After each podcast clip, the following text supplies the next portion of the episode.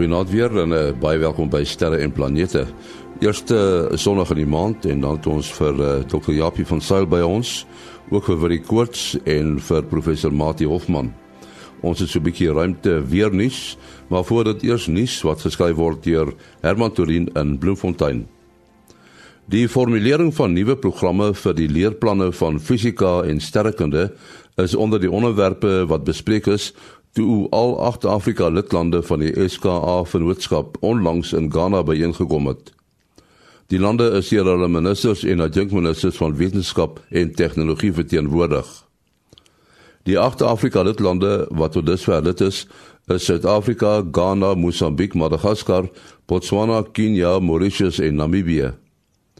Die vestiging van 'n baie breë basislyn vir die SKA is ook bespreek waaronder die suksesvolle omskakeling van 'n ongebruikte kommunikasieantenne in Ghana wat by die SKA kan inskakel. Die ruimtetuig Cassini wat op die 15 Oktober in 1997 gelanseer is om Saturnus en sy maane intensief te bestudeer, nader nou baie vinnig sy einde. Op 15 September vanjaar sal die tuig in Saturnus se atmosfeer induik, maar voortgaan om so lank as moontlik beeldmateriaal na die aarde terug te stuur. Die tuig het nou 'n week gelede met die laaste van sy 5 nabye omwentelings om Saturnus begin. Met die laaste omwenteling sal weer besoek aan die maan Titan gebring word en die maan sal met sy swaartekrag Cassini se baan so aanpas dat dit in Saturnus se atmosfeer sal induik en vergaan. Tot sover dan ruimte nuus geskryf deur Herman Torin in Bloemfontein. En nou skakel ons oor na Kobus Olkers in Florida, Amerika. Kobus Goeienaand en nie goeienaand luisteraars. Ja, hierdie week het ons vir ons 'n 'n nuwe aktiewe area wat oor die rand van die son beweeg het. Ehm um, hy kraak reeds van die van die see klas fakkels. Dit is nou ekstra fakkels en dit lyk asof hy dalk vir ons uh dalk nog 'n klas fakkel kan gee so in sy tydperk oor die volgende week en 'n half wat hy op die son gaan wees. Hy is nog nie geo-effektief nie, maar natuurlik soos ons nou weet, as die ekstra hulle losbreek dan maak dit nie saak waar hy op die son sit nie. Ons ionosfeer weet daarvan. Ja, so koronamassa uitbarstings waarskynlik eers later in die week of uh, vroeg in volgende week. Ehm um, maar ons hoef nie op die oomblik daaroor bekommerd te wees nie. Dan het ons 'n redelike groot koronagat wat wat reeds geo-effektief is. Hy sit net bo kan die ewenaar van die son en hy behoort so teen Dinsdag Woensdag se koerspoort hy sy laaste blaas te blaas. Op die oomblik is die sonwindspoed uit hom uit hier in die omgewing van 600 km per sekonde wat uh, natuurlik ons ons aarde se magneetveld uh, redelik raak. En as ons nou mooi kyk na die ding dan is hy ook dan is hy noordgerig uh, wat dan natuurlik nou weer aanhelp om die aarde se magneetveld 'n bietjie sterker te maak. Die enigste ouens wat gaan probleme hê met hom is die kortgolfluisteraars en en langafstand kommunikators en ek dink hulle sal hulle frekwensies wel dalk 'n bietjie moet opskuif van die normales af. Wat filamente aanbetref, is daar niks om oor huis te skryf op hierdie stadium nie. Daar's 'n redelike lang een baie naby in die suidpool van die son wat glad nie geo-effektief is nie wat ons dus nie probleme kan gee nie. Ehm um, en ek verwag dat daar dalk een kan ontstaan op die agterkant van die van die koronagat. Hy's nog nie daar nie, maar nou ja, dit is net 'n kwessie van tyd voor hy daar gaan vorm. Maar ek glo ook nie hy sal vir ons enige probleme verskaf nie. En dit is ons storie vir hierdie week. Dit was Kobus Olkers in Florida, Amerika. Soos uh, gewoonlik die eerste Sondag in die maand het ons vir uh, eh, Dr. Japie van Sail daar van die Jet Propulsion Laboratory, Pasadena, Kalifornië by ons. Ook vir uh, professor Mati Hofman van die digitale planetarium en die Universiteit van die Vrystaat wat ek koorts op sy pos daar in die Kaap eintlik in Sutherland nê nee? en uh, hy is van die SAAO. Ja, ek het nou 'n interessante opmerking gesien van uh, die uh, ek wil amper sê veteraan ruimtereisiger Chris Hatfield. Hy sê hy kan nie verstaan hoekom jy ouens Mars wil koloniseer nie. Hoekom koloniseer hulle nie eers die maan nie want hy's nou baie naby en miskien meer hanteerbaar vir sekere goed. Wat wat is jou mening? Ja nee, kyk hier nie, dit is uh, dis natuurlik waar as jy tegnologies staan na die saak kyk en geldgewyse, dis natuurlik baie makliker om by die maan uit te kom. En uh en om dan daar infrastruktuur op te bou en om my waarheid te sê dat hierdie debat is 'n ding wat al baie lank aan die gang is. Bou 'n mens liewerster eers die infrastruktuur by die maan op en dan gaan jy Mars toe of gaan jy direk na Mars toe? Uh en uh dit is dis ek neem aan hierdie hierdie uh debat sal nog baie lank aan die gang wees hier by ons maar die feit bly staan dit is makliker om maan toe te gaan en so aan die rede waar mense Mars toe wil gaan natuurlik is uh op die ou end uh daar is 'n beter kans dat jy wel 'n habitat op Mars sal kan um vorm en uh dat daar wel die die natuurlike bronne is van uh wat jy nodig het soos water en so voorts uh dit is bekend dat dit wel op Mars bestaan so uh, dit is makliker in 'n sekere sin om 'n kolonie op Mars te begin in in daardie opsig, maar dit kos natuurlik baie meer geld. So is eintlik so 6 van die een en 'n uh, half dosyn van die ander. Ja, dit nou hang natuurlik af wat jy nou wat jy da, in die uh, sal ek maar sê in die nabye toekoms wil probeer bereik. As jy wil bewys dat dit moontlik is vir mense om nie op die aarde te bly nie, dan is die vinnigste en die goedkoopste gaan bly op die maan. Maar jy moet onthou as jy dit doen, dan moet jy uh, alles moet jy saamvat elke elke slag om aan te gaan. Ehm um, as jy wil bewys dat jy wel ehm um, 'n plek 'n uh, 'n kolonie op 'n plek kan stig waar mense op die einde sal ek maar sê selfonderhoudend kan wees, dan is Mars die beter opsie vir mense.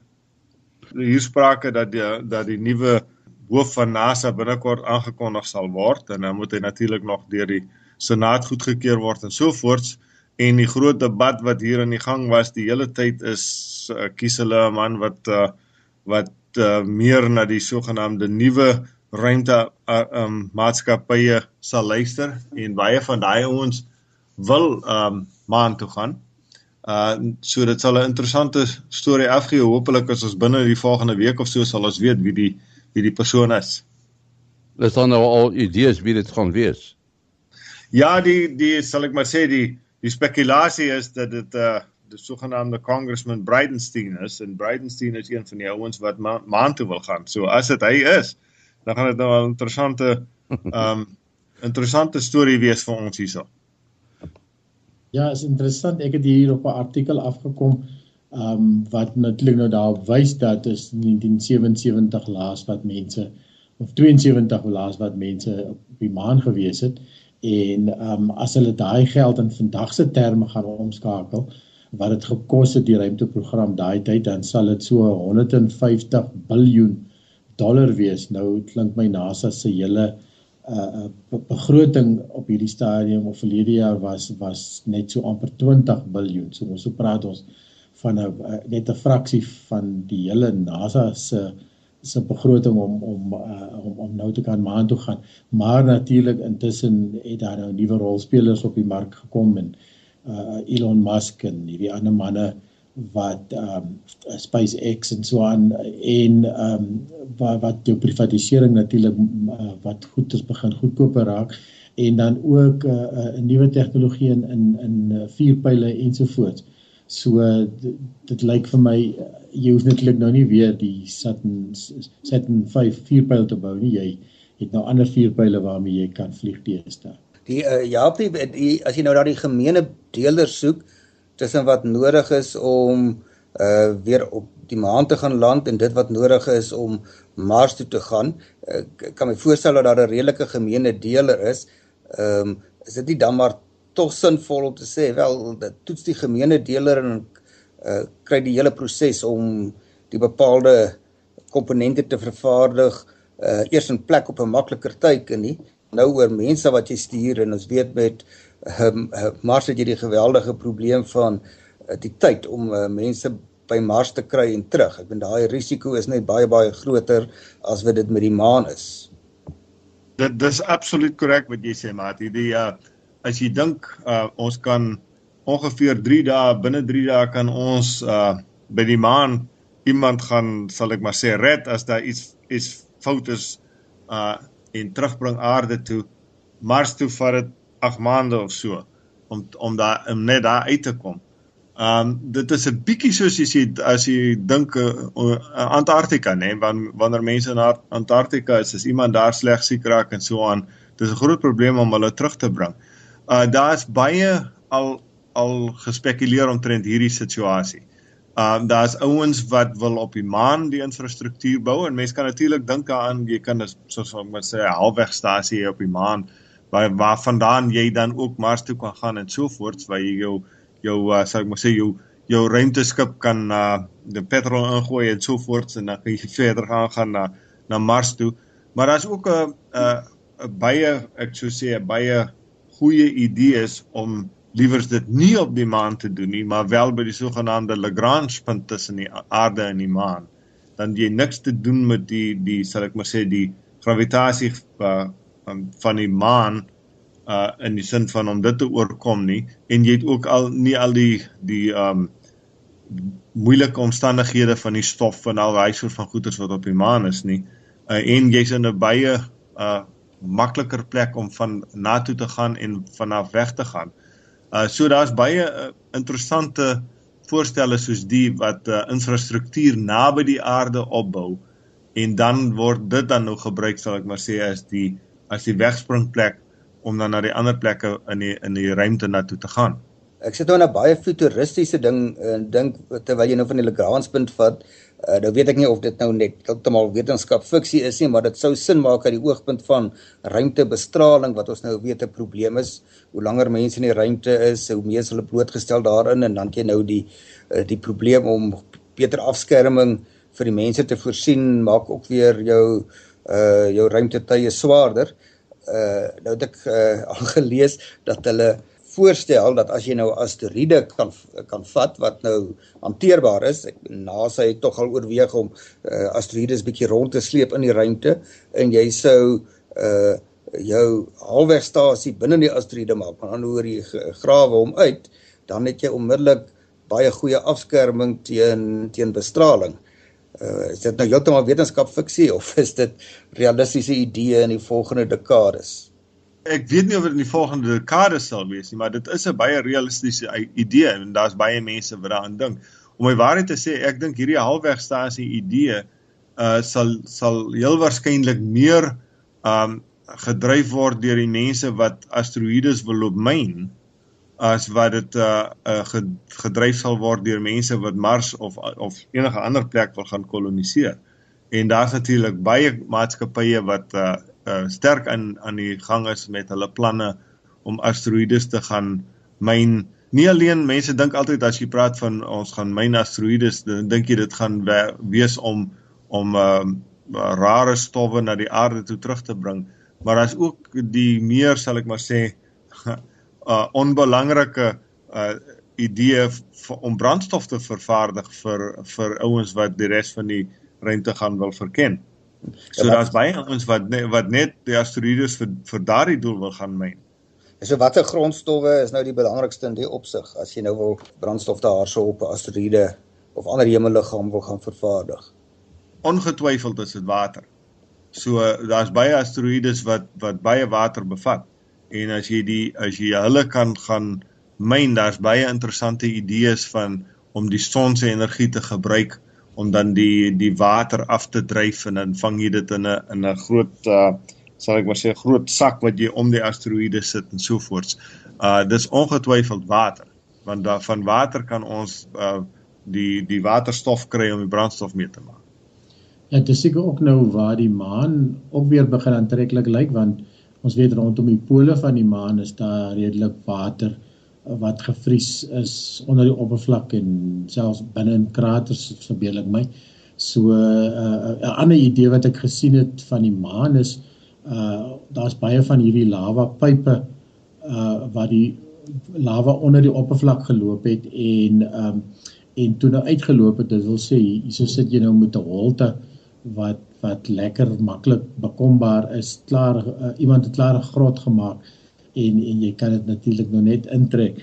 Die ander ding van die maan natuurlik is die maan het, het 'n probleem in die sin van dat jou dae is 28 of wel uh, as dit 29 en 'n half dae siklus so jy het baie lang dae en baie lang nagte uh um, en dan maak dit weer sin om nader aan die pole te beweeg waar jy dan meer sonlig het. Ja, so dis eintlik allerlei 'n klomp idees wat hulle bymekaar gooi daar. een van my spanne werk aan 'n klein satelliet uh sogenaamde lunar flashlight uh die die maan uh flitslig uh, en die hele idee is om van daai uh, uh kraters wat permanent in die skaduwee op die maan is te verlig sodat ons kan sien of daar wel soveel ys en so aan is as as wat mense um reken daar is en so hopelik binne die volgende like sien 2019 sal ons dit kan lanseer en en gaan kyk of dit wel so is. Maar ja, dit is dit is baie duidelik een van die dele ouens soos die uh Jeff Bezos van van Amazon uh farm wat sy eie um vuurpylmaatskappy het. Hy wil graag op die maan gaan land uh, in naby een van hierdie plekke waar daar wel geskat word dat daar baie ys en so aan is uh om 'n soort van 'n uh, brandstofdepot daar te stig. Ja, ons praat nou baie oor uh oor die diep ruim vaartuie en die tegnologie. Maar uh, Japie, hoeveel werk is daar gedoen oor wat die effek op die mens gaan wees? Wat uh, in sy kop gaan aangaan as hy nou so ver weg moet gaan? Maar nee, daar is redelik navorsing wat wat uh, gedoen word op die goeters. Uh en natuurlik het die die ehm um, internasionale ruimtestasie uh het dit nou al uh sal ek maar sê was was so ver maar die laboratorium daarvoor. Uh manne soos Hatfield en daai manne wat uh, al redelike lang tye daar deurgebring het. Ek dink die langste is meer as 'n jaar wat wat uh mense al daar op was.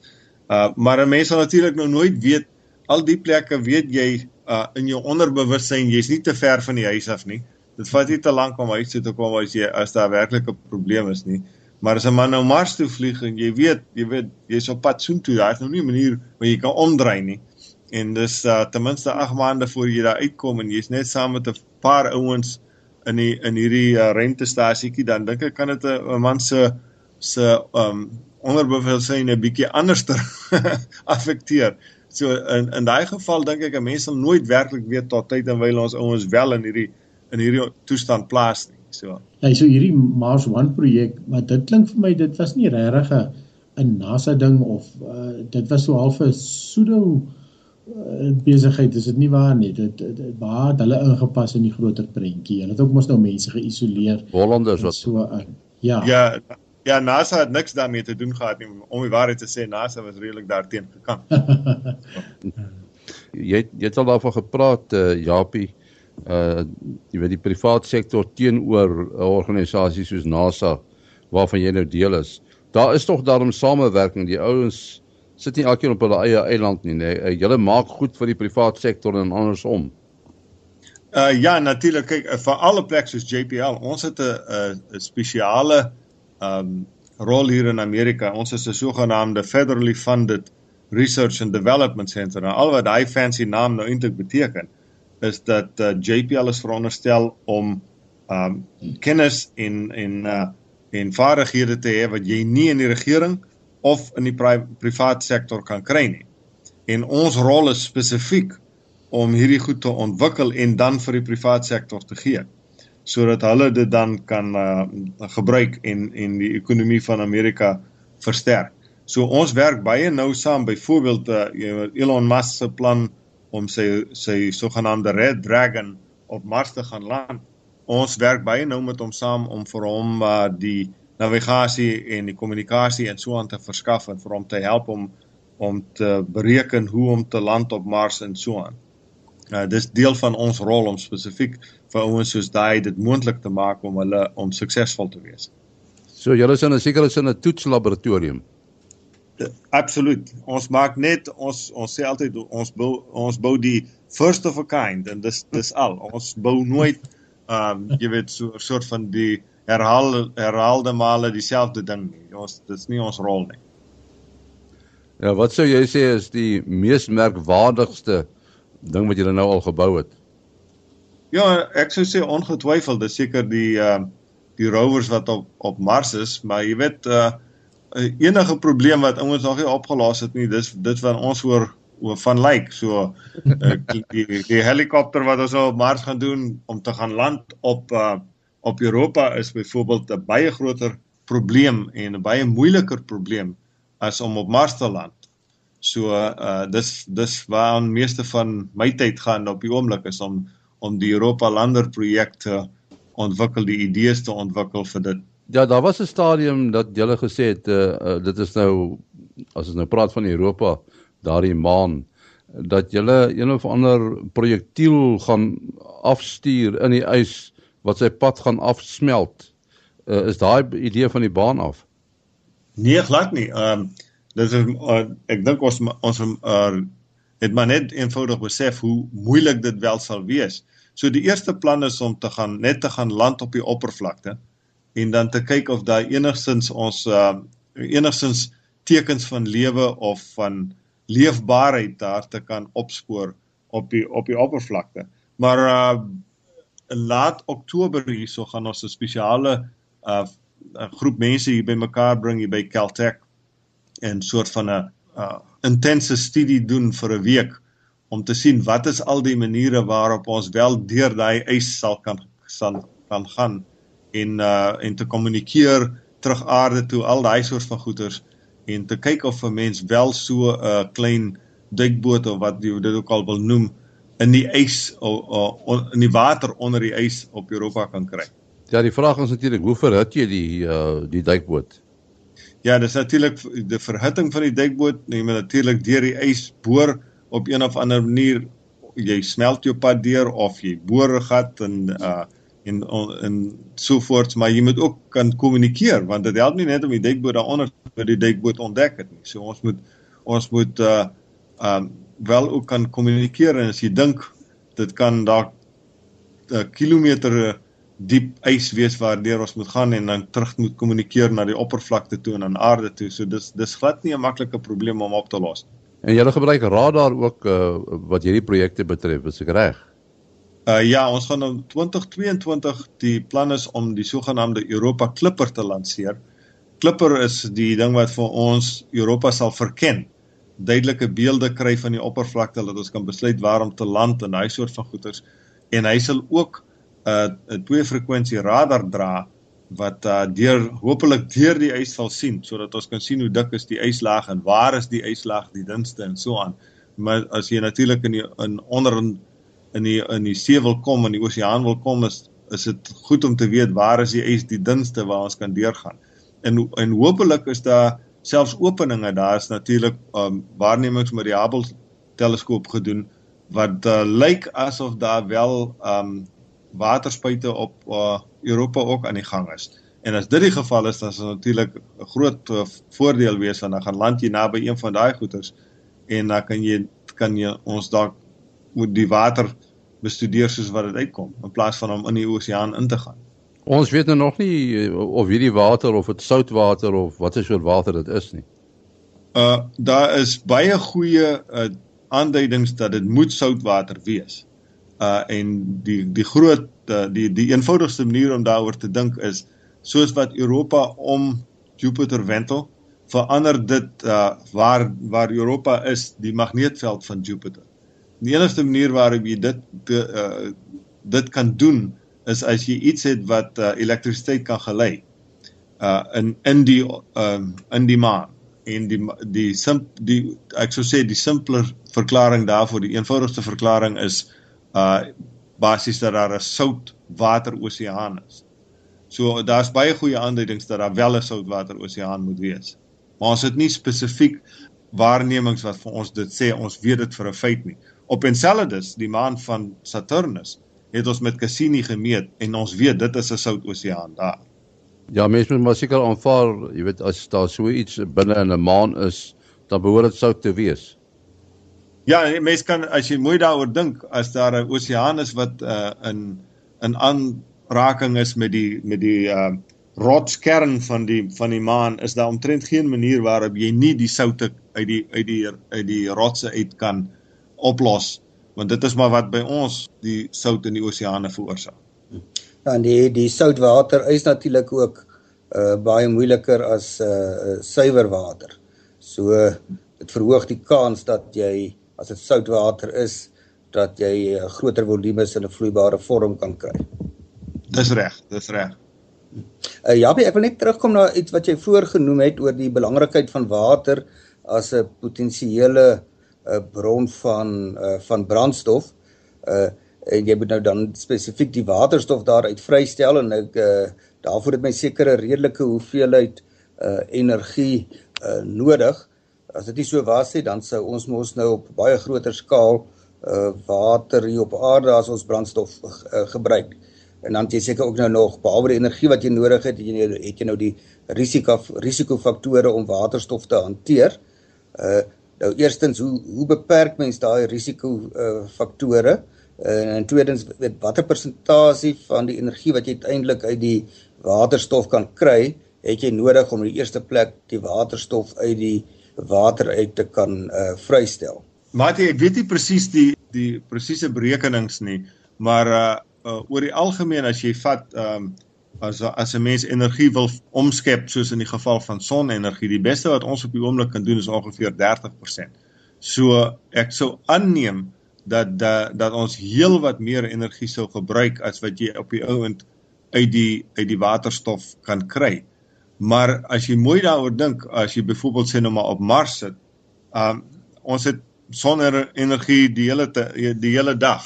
Wat doen ons ons wil die klein bietjie elektrisiteit wat ons sal ek uh, relatief gesproke wat jy kan opvang uit die son uit, wil ons omsit in uh chemiese energie wat ons dan nou 'n hoë impuls kan kry om uh te kan opstyg van die grond af. So dit uh, 'n sekere mate ons het energie wat ons ons het meer energie as wat ons kan gebruik beskikbaar. So dit maak nie eintlik verskriklik saak dat ons so baie energie sal, sal moet gebruik nie.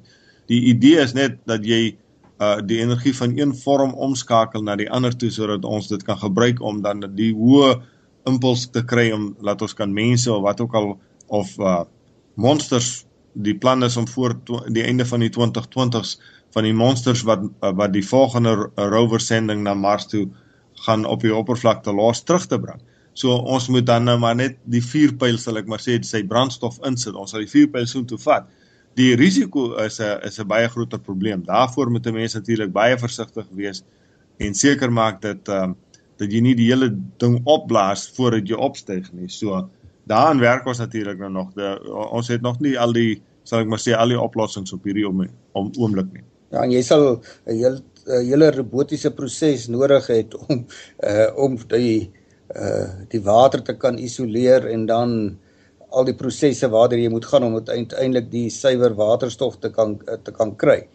Daai robotiese aspekte van die werk is maak dit nou al vordering dat jy kan so outomatiese brandstoffabriekie kan gaan neersit op Mars. Ja nee, die mense werk daaraan, maar jy weet soos ek sê, ons het nog dit, dit nog nie gedemonstreer hierson nie. Maar uh, maar daar's baie interessante ontwerpe wat die mense aan aan werk en en uh en maar die groot vraag is hoe besef jy en wat doen jy as iets verkeerd gaan om seker te maak dat jy nie die hele storie opblaas soos ek sê want dit dit vat baie geld en tyd om eers daar uit te kom en jy sal net een kans hê. So dis die groot groot ding waar waar ons nog almal hier uh besig is om om te probeer die ontwerpe te doen sodat ons kan verseker dat ons nie die, net die ding sal opblaas nie want uh, waterstof is 'n bom. So dit dit is 'n groot probleem. Ja, ja, ek het nou ek het nou net gedink aan dat jy gaan nou hierdie kat uit die mou laat laat NASA het lank al die probleem uitgewerk om water in brandstof te verander en uh die motormaatskappye en NASA hou dit net onder onder die mat. So ja, so nou weet ons dit is nie so nie. Ek ek sal nie verbaas wees as daar een of ander conspiracy teorie rondloop dat ons dit al wel gedoen het nie maar nou ja. Ek, ek weet nog nie daarvan nie let so laat ek dit so stel. Nou, ons moet ongelukkig uh, totsiens sê uh, Japie jou besonderhede? My e-posadres uh, japiejpl@gmail.com en dan Mati? Uh selfoonnommer 083625 7154 en dan wil hy. 0724579208 0724579208 en my e-posadres maas.henny@gmail.com maas.henny@gmail.com ons is volgende week dieselfde tyd terug. Tot dan mooi loop